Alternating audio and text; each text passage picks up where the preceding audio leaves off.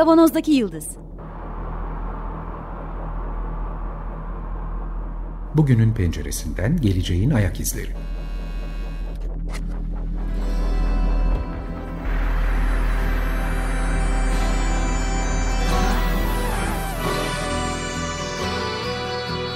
Hazırlayan ve sunanlar İsmail Başöz, Haluk Levent, Mustafa Yılmazer ve Fethiye Erbil.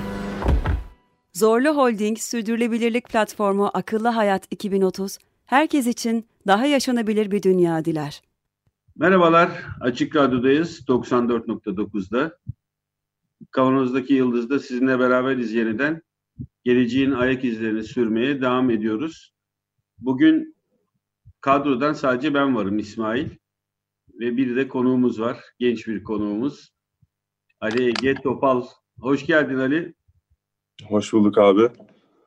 19 yaşında bir konuğumuz olmasından mutluyum. Artık yeter biz 50'likler konuşa konuşa Fethiye'yi tabii kenarda bırakalım ama artık gençlerin sesini daha çok duymaya istiyorum ve bunun için de elimden geleni yapacağım açıkçası. Birkaç haftadır programda pandemi sonrası hayatı konuşuyorduk. Geçtiğimiz haftalarda zorunlu olarak gerçekleştirilen online eğitimi kaldı ki online eğitim olmadığını yine Haluk da Fethiye'de söylemişti. Acil uzaktan eğitim şeklinde e, isimlendirmenin daha doğru olduğunu söylemişlerdi. Fakat daha önce yaptığımız programda birçok alandan, işten, uluslararası ticaretten, sinemadan, tiyatrodan, birçok noktadan bir takım örnekler vererek hayatın her alanında etkilendiğini ve yeni hayata doğru bir dönüş, yeni düzenlemeler gerektiğini söylemiştik. Bugün Ali ile müzik piyasasını konuşacağız. Belki de bu konuda çok daha yetkin isimler vardır gerçekten ama e, ben seninle konuşmak istedim gerçekten. Sen de özel ilgi alanı olarak da ilgileniyorsun bir yandan. Evet. Bir yandan da aldığın mesleğin, şey, aldığın eğitimin de bir e, gereği olarak takip ediyorsun yanılmıyorsam. Ama önce bir kendini kısaca bir tanıtırsan bize sevinirim. Şimdi ben Ali, 19 yaşındayım ve İskoçya'da pazarlama okuyorum. İlk senemi bitirdim bu sene. Ee, bu müziğe ilgim aşağı yukarı böyle bir lise zamanlarında başladı. Koro hocamın tavsiyesiyle sen şarkı söyle falan diye başladık öyle. Müzikallerde falan oynadım. Ondan sonra ilgim daha çok gelişti. Şimdi şey, e, Similar Faces diye bir tane dergimiz var bizim online. Onun üzerinde müzik direktörlüğü yapıyorum. Yeni çıkan şarkıları değerlendiriyorum. Ondan sonra makale yazıyorum müzik üzerine. Albümleri inceliyorum. Öyle yani şimdilik İs- müzik projelerim bu kadar. İskoçya, Edinburgh Üniversitesi'ne gitmeden önce İstanbul'da St. Joseph, arkasından yanılmıyorsam evet. Kanada'da Aynen Kanada'da lise okudum. Bayağı gezgin bir hayat sürdürmüşsün ve dünyanın her tarafında olup bir tane bir miktar temas etmişsin. Evet, evet. Ya aşağı yukarı bir de e, onun kattığı bir şey de var şimdi. Her tarafın müzik kültürünü de aşağı yukarı gördüğüm için biraz o da hani bilgi birikimine katıyor diyebilirim yani. Evet biraz müzik kültürü biraz da bugün seninle daha önce yaptığımız konuşmada belirttiğim gibi bu yaş grubunun nerede nasıl davrandığını, evet. nasıl yaşadığını bizzat içinde tanık oluyorsun. Biraz maruz evet. kalarak da daha doğrusu deneyimleyerek de tanık oluyorsun olup biteni. Edinburgh Üniversitesi'nde marketing pazarlama hı hı. okuyorsun ve bu arada o dergide e, bir daha bahsettiğin yayını söyler misin? Nerede yazıyoruz? Evet, similar derginin adı Similar Faces. Instagram'da da var. Similar evet. Faces diye geçiyor Instagram'da. Bir de web sitemiz var. E, web sitesi de Instagram'dan ulaşılabiliyor zaten. E, linki duruyor hemen biyografimizde. Peki. E, onun üzerinde işte müzik müzik e, haberlerini ben yazıyorum genelde. Başka onun dışında moda, sokak kültürü tarzı şeyler de var. Ama müzik tarafı bende olayın yani aslında. Benim gibi Instagram fakiri bir insan olarak yine de duyuralım. Hiç önemli değil. Ee, güzel bir yazı kalemi almışsın. Ee, o yazıyı gördükten sonra da seninle konuşmayı daha çok istedim. Covid-19 etkisi ve pandemi sonrasında e, ve sürecinde müziğin nasıl etkilendiğini, müzik sektörünün nasıl etkilendiğinden bahsetmiştin yazıda. Çok güzel rakamlar da var. Beyoncé'un kazancıyla başlayarak yazıya gittik. Evet. Biraz senden dinleyelim şimdi. Şöyle söyleyeyim. Şimdi müzik sektörünün işleyişi eskisinden biraz farklı. Şimdi eskiden kasetler, CD'ler döneminde falan bunların satışından sanatçılar oldukça yüklü miktarda para kazanıyordu. Kaseti sen Ee, hatırlamıyorsun. şimdi- değil mi? Ha ben ben yok ben, ben de o dönemler yok abi. CD maksimum yani en fazla CD var yani bende. Evet. Ee, neyse onların onlardan para kazanıyorlardı. Ama şimdi bu Spotify, Apple Music, Tidal tarzı streaming servisler geldiğinden beri artık albüm satamıyor insanlar yani. Çünkü şimdi açıyorsun telefonunu pat diye istediğin müziği dinleyebiliyorsun istediğin yerden. Kazancı bunun üzerinden e, sağlamıyorlar mı sanatçılar peki? Buralardaki şarkıların dinlenmesinden. Aynen abi orada şey oluyor. Şimdi e, mesela Drake'den örnek vereyim. Drake'i bilmiyorum tanıyor musun? Şimdi e, herhangi Baktım sen bir bahsedince baktım. Ha, herhangi bir 19 yaşında birine Drake de direkt hatırlar anlar zaten. Şu Bir en kısaca söyleyelim. Kanadalı aktör ve müzik sanatçısı, rap sanatçısı dünyanın en çok kazanan mı, en çok satan mı? Evet, en çok kazananı ve Billboard chartlarında da en fazla şarkısı bulunan insan galiba. Bayağı Beatles falan geçti hatta diyebiliyorum. Vay. e, şeylerini. Neyse bu adam e, aşağı yukarı yüzde on bir, yüzde on iki gibi kazanıyor bu dinlenilen müziklerinden. Albüm olsun, Spotify olsun. Toparlayalım mı? Evet. %11 ne demek? Yani e, bir şarkı yayınlandığı zaman ya da dinlendiği zaman kullanıcı tarafından o şarkı için belirlenen ücretin %10'unu, %11'ini, hadi bilemedin %15'ini sanatçı alıyor. Geri kalan %85'ini kim alıyor?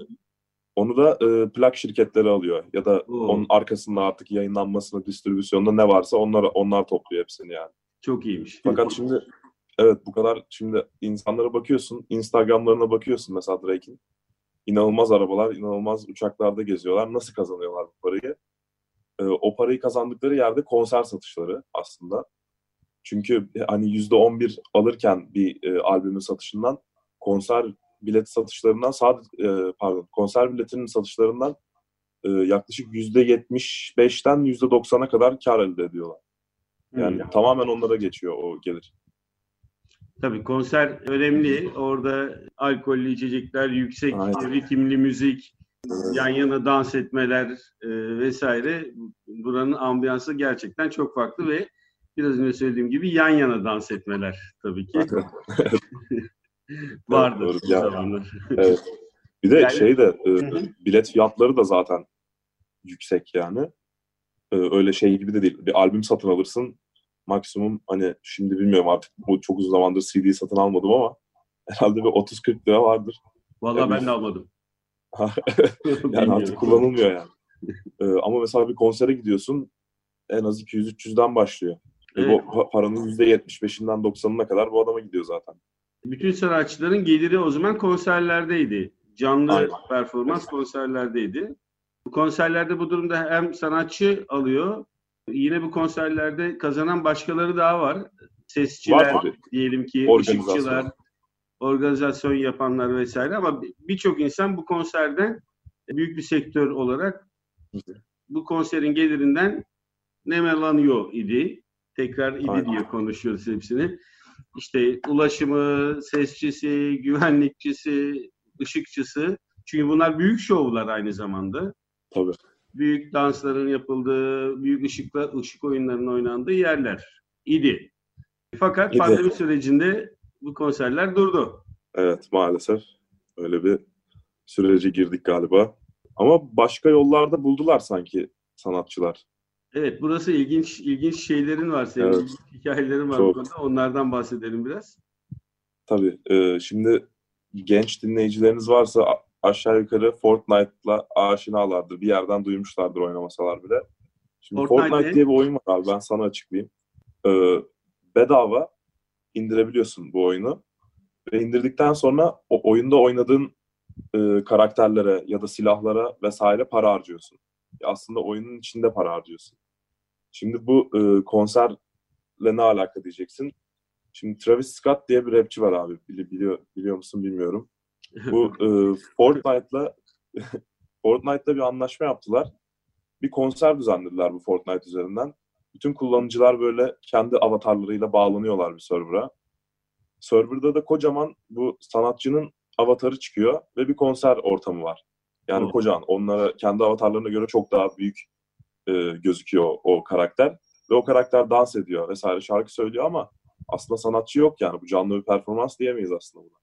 Çünkü ortalıkta sanatçı yok. İzleyiciler canlı olarak orada. Ama izleyiciler canlı olarak orada hepsi. Aynı server'a bağlanarak izliyorlar. Ama bedava aslında görünen, de. Bu konsere konseri izleyebilmek, orada, oradaki avatarlardan biri olabilmek için oyunu yüklediler. Ücretsiz oyunu yüklüyorlar. Aynen öyle. Ve birçok insan Ve bu zaten... oyunla tanışmış oluyor böylece. Aynen. Aynen öyle. Bir de e, bu oyun zaten yan, yanlış hatırlamıyorsam dava edildi. E, psikolojiye şey yaptığı için, oynadığı için biraz ya bağımlılık yaratmak için özel bir psikologlara mı danışıyorlarmış öyleymiş. O yüzden dava ettiler oyunu hatta yanlış hatırlamıyorsam. Ya zaten ba- bağımlılık yapıcı bir oyun. Ee, çok içine çeken bir oyun kendini yani. O yüzden buna girdikleri zaman çıkamıyor insanlar. Yani ve iki taraf da faydalanıyor yani aslında. Hem e, bu oyunu oynayıp sanatçıyı bilmeyenler sanatçının müziklerini duyuyor. Aa güzelmiş diyor. Sanatçının fanları da oyuna giriyor sadece e, bu konseri izleyebilmek için. Oynamaya devam ediyorlar bir kısmı oynamaya devam ediyorsa. Şimdi iki e, boyuttan bahsediyoruz. Bir avatarlı yani herkesin kendi simülasyonunun katıldığı bir, e, konserler düzenlendiğini söyledim. Burada muhtemelen kaldı ki sanatçının da bir avatarı ortamda bulunuyor ve insanlar bu konseri konser olarak dinleme keyfinde. Ben bana bir çok biraz tuhaf geliyor açıkçası. Hani o canlı evet, bana da gayet tuhaf geliyor aslında ama canlı e, yan yana işte insanların bağıra çağıra şarkı söyleyerek ya da ne bileyim oranın heyecanlı dansını birlikte yaparak yaşadıkları konserlerin dışında böyle bir olay içinde büyük ilgiyle katılıyorlar. Şimdi bu evet. avatarlı konser enteresan zaten. Bunu bir, bir, bir cepte Aynen öyle. Öbür tarafta aslında pazarlama taktiğinin başka bir şeyi var. Yani buradaki firma oyununu daha çok insana tanıtabilmek için bir sanatçıyı alıyor ve yanılmıyorsam oyunu çıkaran firma o sanatçıya ücretini ödüyor büyük ihtimalle. Böylece insanlar da oyuna giriyorlar. Bir kısmı oyunda kalıyor ve oyunda harcamalarını yapmaya devam ediyor. Harcama derken enteresan. Bedava giriyorlar oyuna ama sen söylediğinden sadece işte en çok bilinen bir oyun vardır ya kendi Crash diye. Orada insanlar dayanamayıp işte 3 liralık, 5 liralık satın alışlar. Yanılmıyorsam böyle şeyler oluyor değil mi? Yani Aynen öyle. Ya e, şey var mesela bu e, Travis Scott dediğim rapçinin kendi avatarını satın alabiliyorsun. Mesela böyle yani onun karakterini satın alıp onunla oynayabiliyorsun oyunu. Ya da onun ayakkabıları ayrı satılıyor mesela. Pantolonu ayrı satılıyor. Oo. Kendi e, vücut avatarı ayrı satılıyor. Garip aslında. Şeyleri, hareketleri falan da ayrı satılıyor. Ya bunların hepsi para zaten. Hem oyuna getirisi var hem de adamın yani adamı insanlar görüyor öyle söyleyeyim. Evet, başka başka bir dünya var gerçekten. Bunların tek tek satılıyor olması da başka bir tüketim ağı olarak çıkıyor. Evet, aynen öyle. Yani çok ilginç yeni paranın döndüğü bir ortam. Bir takım sanatçılar bu tür konserler vermeyi tercih ediyorlar. Benim okuduğum Berlin Filarmoni böyle bir konser vermiş. Sadece kameraları yerleştirmişler ve işte evinizden izleyin canlı diye ama sonucunda hani televizyon yayını gibi oluyor. Fakat sanatçıların önemli bir kısmının büyük sanatçıların ya büyük demeyelim de çok kazanan, çok izlenen sanatçıların önemli bir kısmı konserlerden kazanıyor. Fakat bu süreç içerisinde konserler artık çok azaldı, azalacak ki bugünlerde sayının çok arttığını, virüs salgınındaki sayıların çok arttığını haberlerini alıyoruz. Yine bir araya gelmeler. Ufak ufak başlamış olsa bile duracak büyük ihtimalle öyle gözüküyor. Bununla beraber bu müzik piyasasında çok satan çok satış yapan sanatçıların dışında bu büyük firmalara bağlı sanatçıların dışında da bağımsız sanatçılar var birçok. Evet. Onlar da pub konserlerinde kazanıyorlardı. DJ'ler bu tür mekanlarda kazanıyorlardı. Bunlar için de aslında kapandı yollar hepsi açıkçası. Sosyal medyada izleyerek vesaire de kazanabilirler mi acaba? Yani sosyal medyada da var olarak bu insanlar kazanabiliyorlar mıdır bilmiyorum. Ne diyorsun? Ya, e, ben şöyle bir örneğini biliyorum. Birkaç sanatçı şeye başvurdu. Instagram Live açtılar. Yani canlı yayın açtılar Instagram üzerinden. Ve orada e, bayağı oldukça fazla da izleyen de oldu. Çünkü insanlar evde oturuyor. Yapacak başka işleri yok yani. Hı-hı. Sevdikleri sanatçıların canlı yayınını izliyorlar. Ve oraya mesela reklam veren çok vardı açıkçası.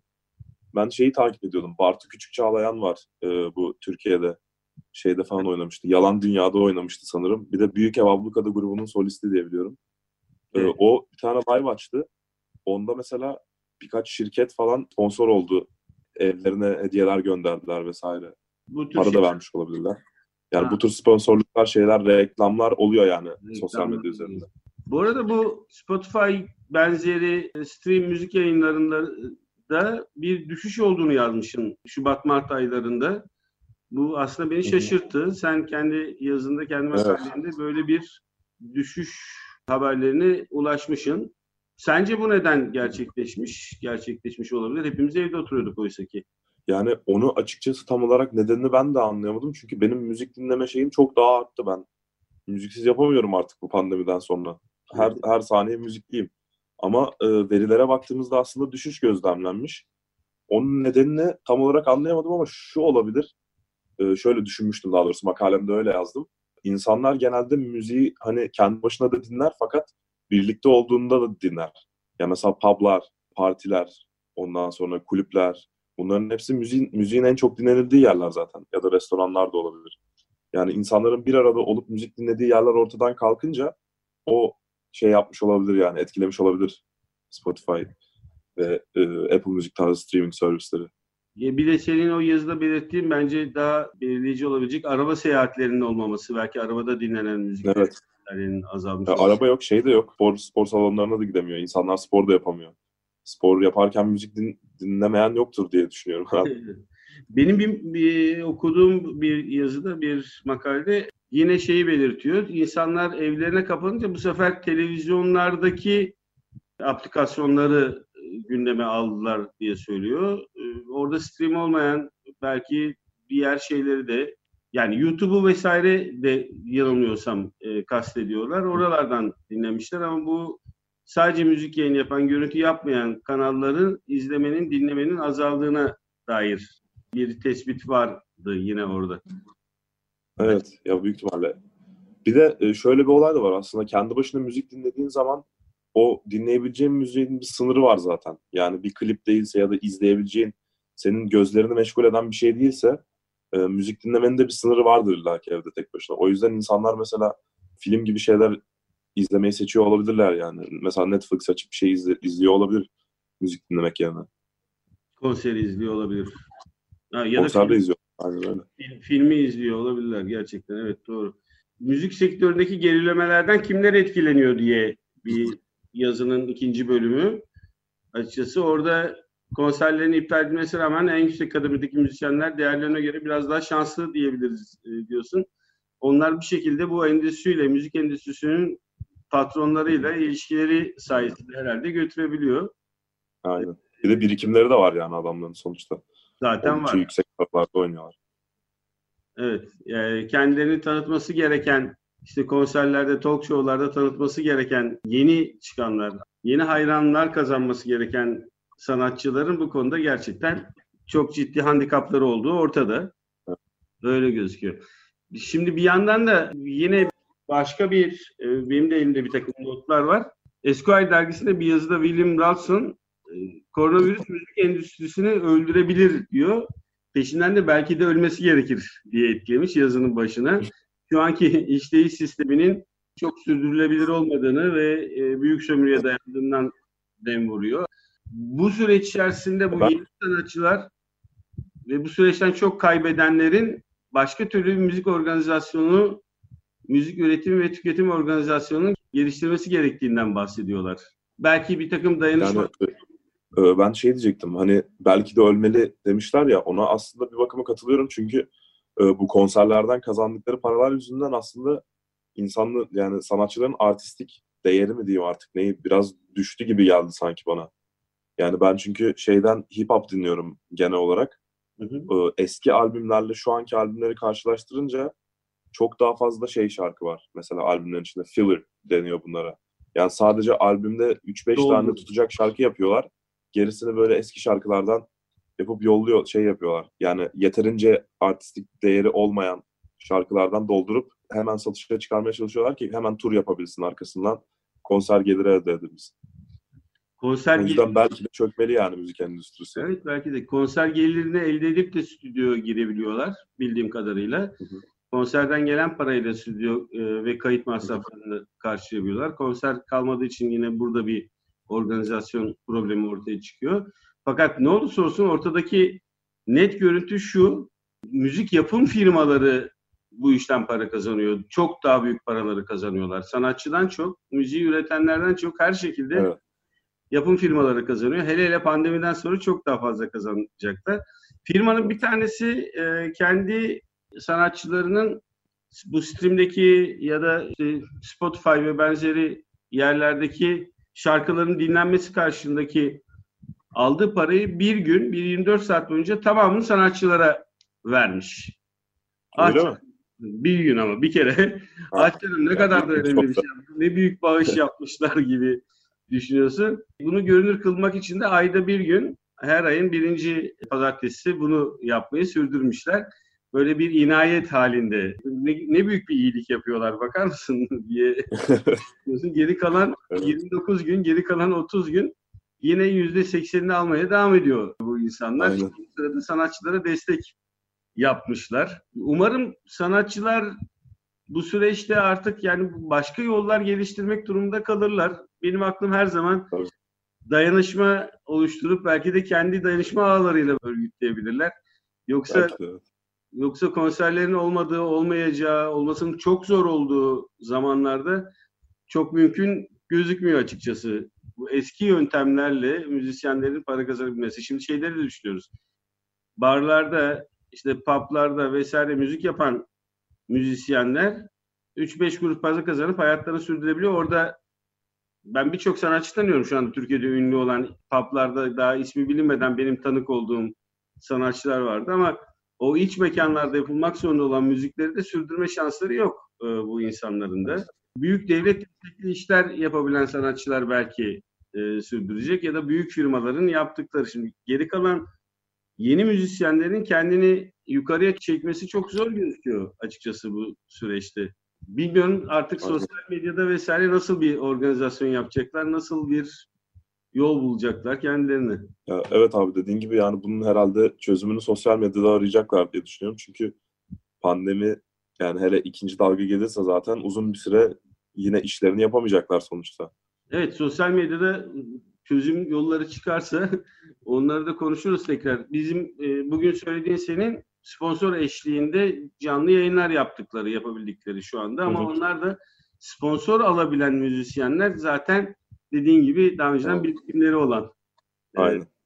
E, ya da influencer denen toplumu daha çok etkileyebilen sanatçılar olduğu gözüküyor. Şimdi yazına tekrar bir bakıyorum son satırını, e, son e, paragrafını okuyacağım burada izninle. Son olarak okullar, okurlarımızdan ricamız eğer dinlediğiniz indie sanatçılar varsa playlistlerinde önümüzdeki birkaç ay onların sanatına da yer verip biraz olsun durumu hafifletmeye yardımcı olmaları yönündedir. Böyle bir çağrın var. Umarız evet. yaşadığımız bu zorluk ve belirsizlik durumu bir an önce hafifler ve evimizde kapalı kalmadan sevdiğimiz insanlarla eğlendiğimiz ortamlarda müzik dinleyebiliriz şayet Hull Lotta Red ve Switchboard 2 gibi inanılmaz projeler çok uzakta değil diyorsun. Bu, bu projeleri de bir şey der misin aynı zamanda? Ya bu projeler Playboy Carti ve 21 Savage diye iki tane farklı artistin çok uzun zamandır beklenen projeleri yani. Yayınlamıyorlar. Aynen. Bu pandemi süreci bunları da biraz daha geriye ittirdi. Onları bekliyoruz işte hip hop severler olarak genel olarak. Ama o ilk yaptığım çağrının hala da arkasındayım yani. Çünkü indie müzisyenler gerçekten. Çok zorlanıyorlar yani bu dönemde. Sonuçta gig yapamıyorlar. Hiçbir şekilde iş e, olanakları yok adamların.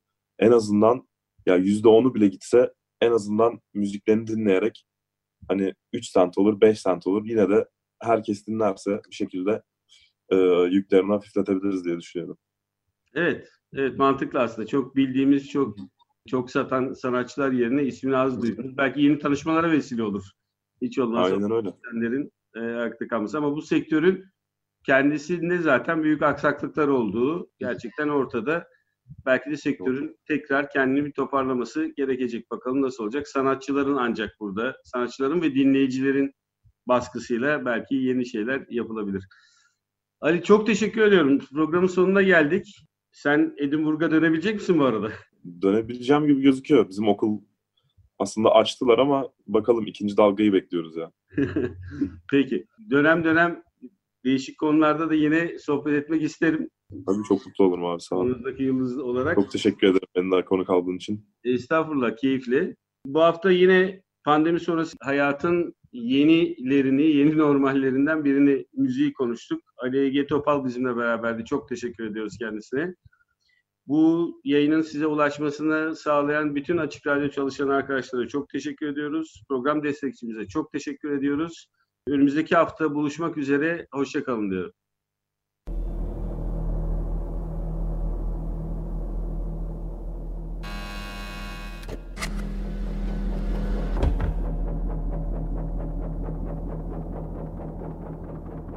Kavanozdaki Yıldız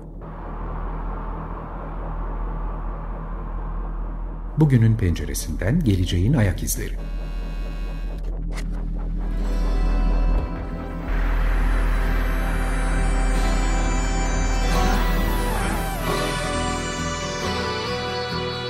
Hazırlayan ve sunanlar İsmail Başöz, Haluk Levent, Mustafa Yılmazer ve Fethiye Erbil. Açık Radyo program destekçisi olun. Bir veya daha fazla programa destek olmak için 212 alan koduyla 343 41 41.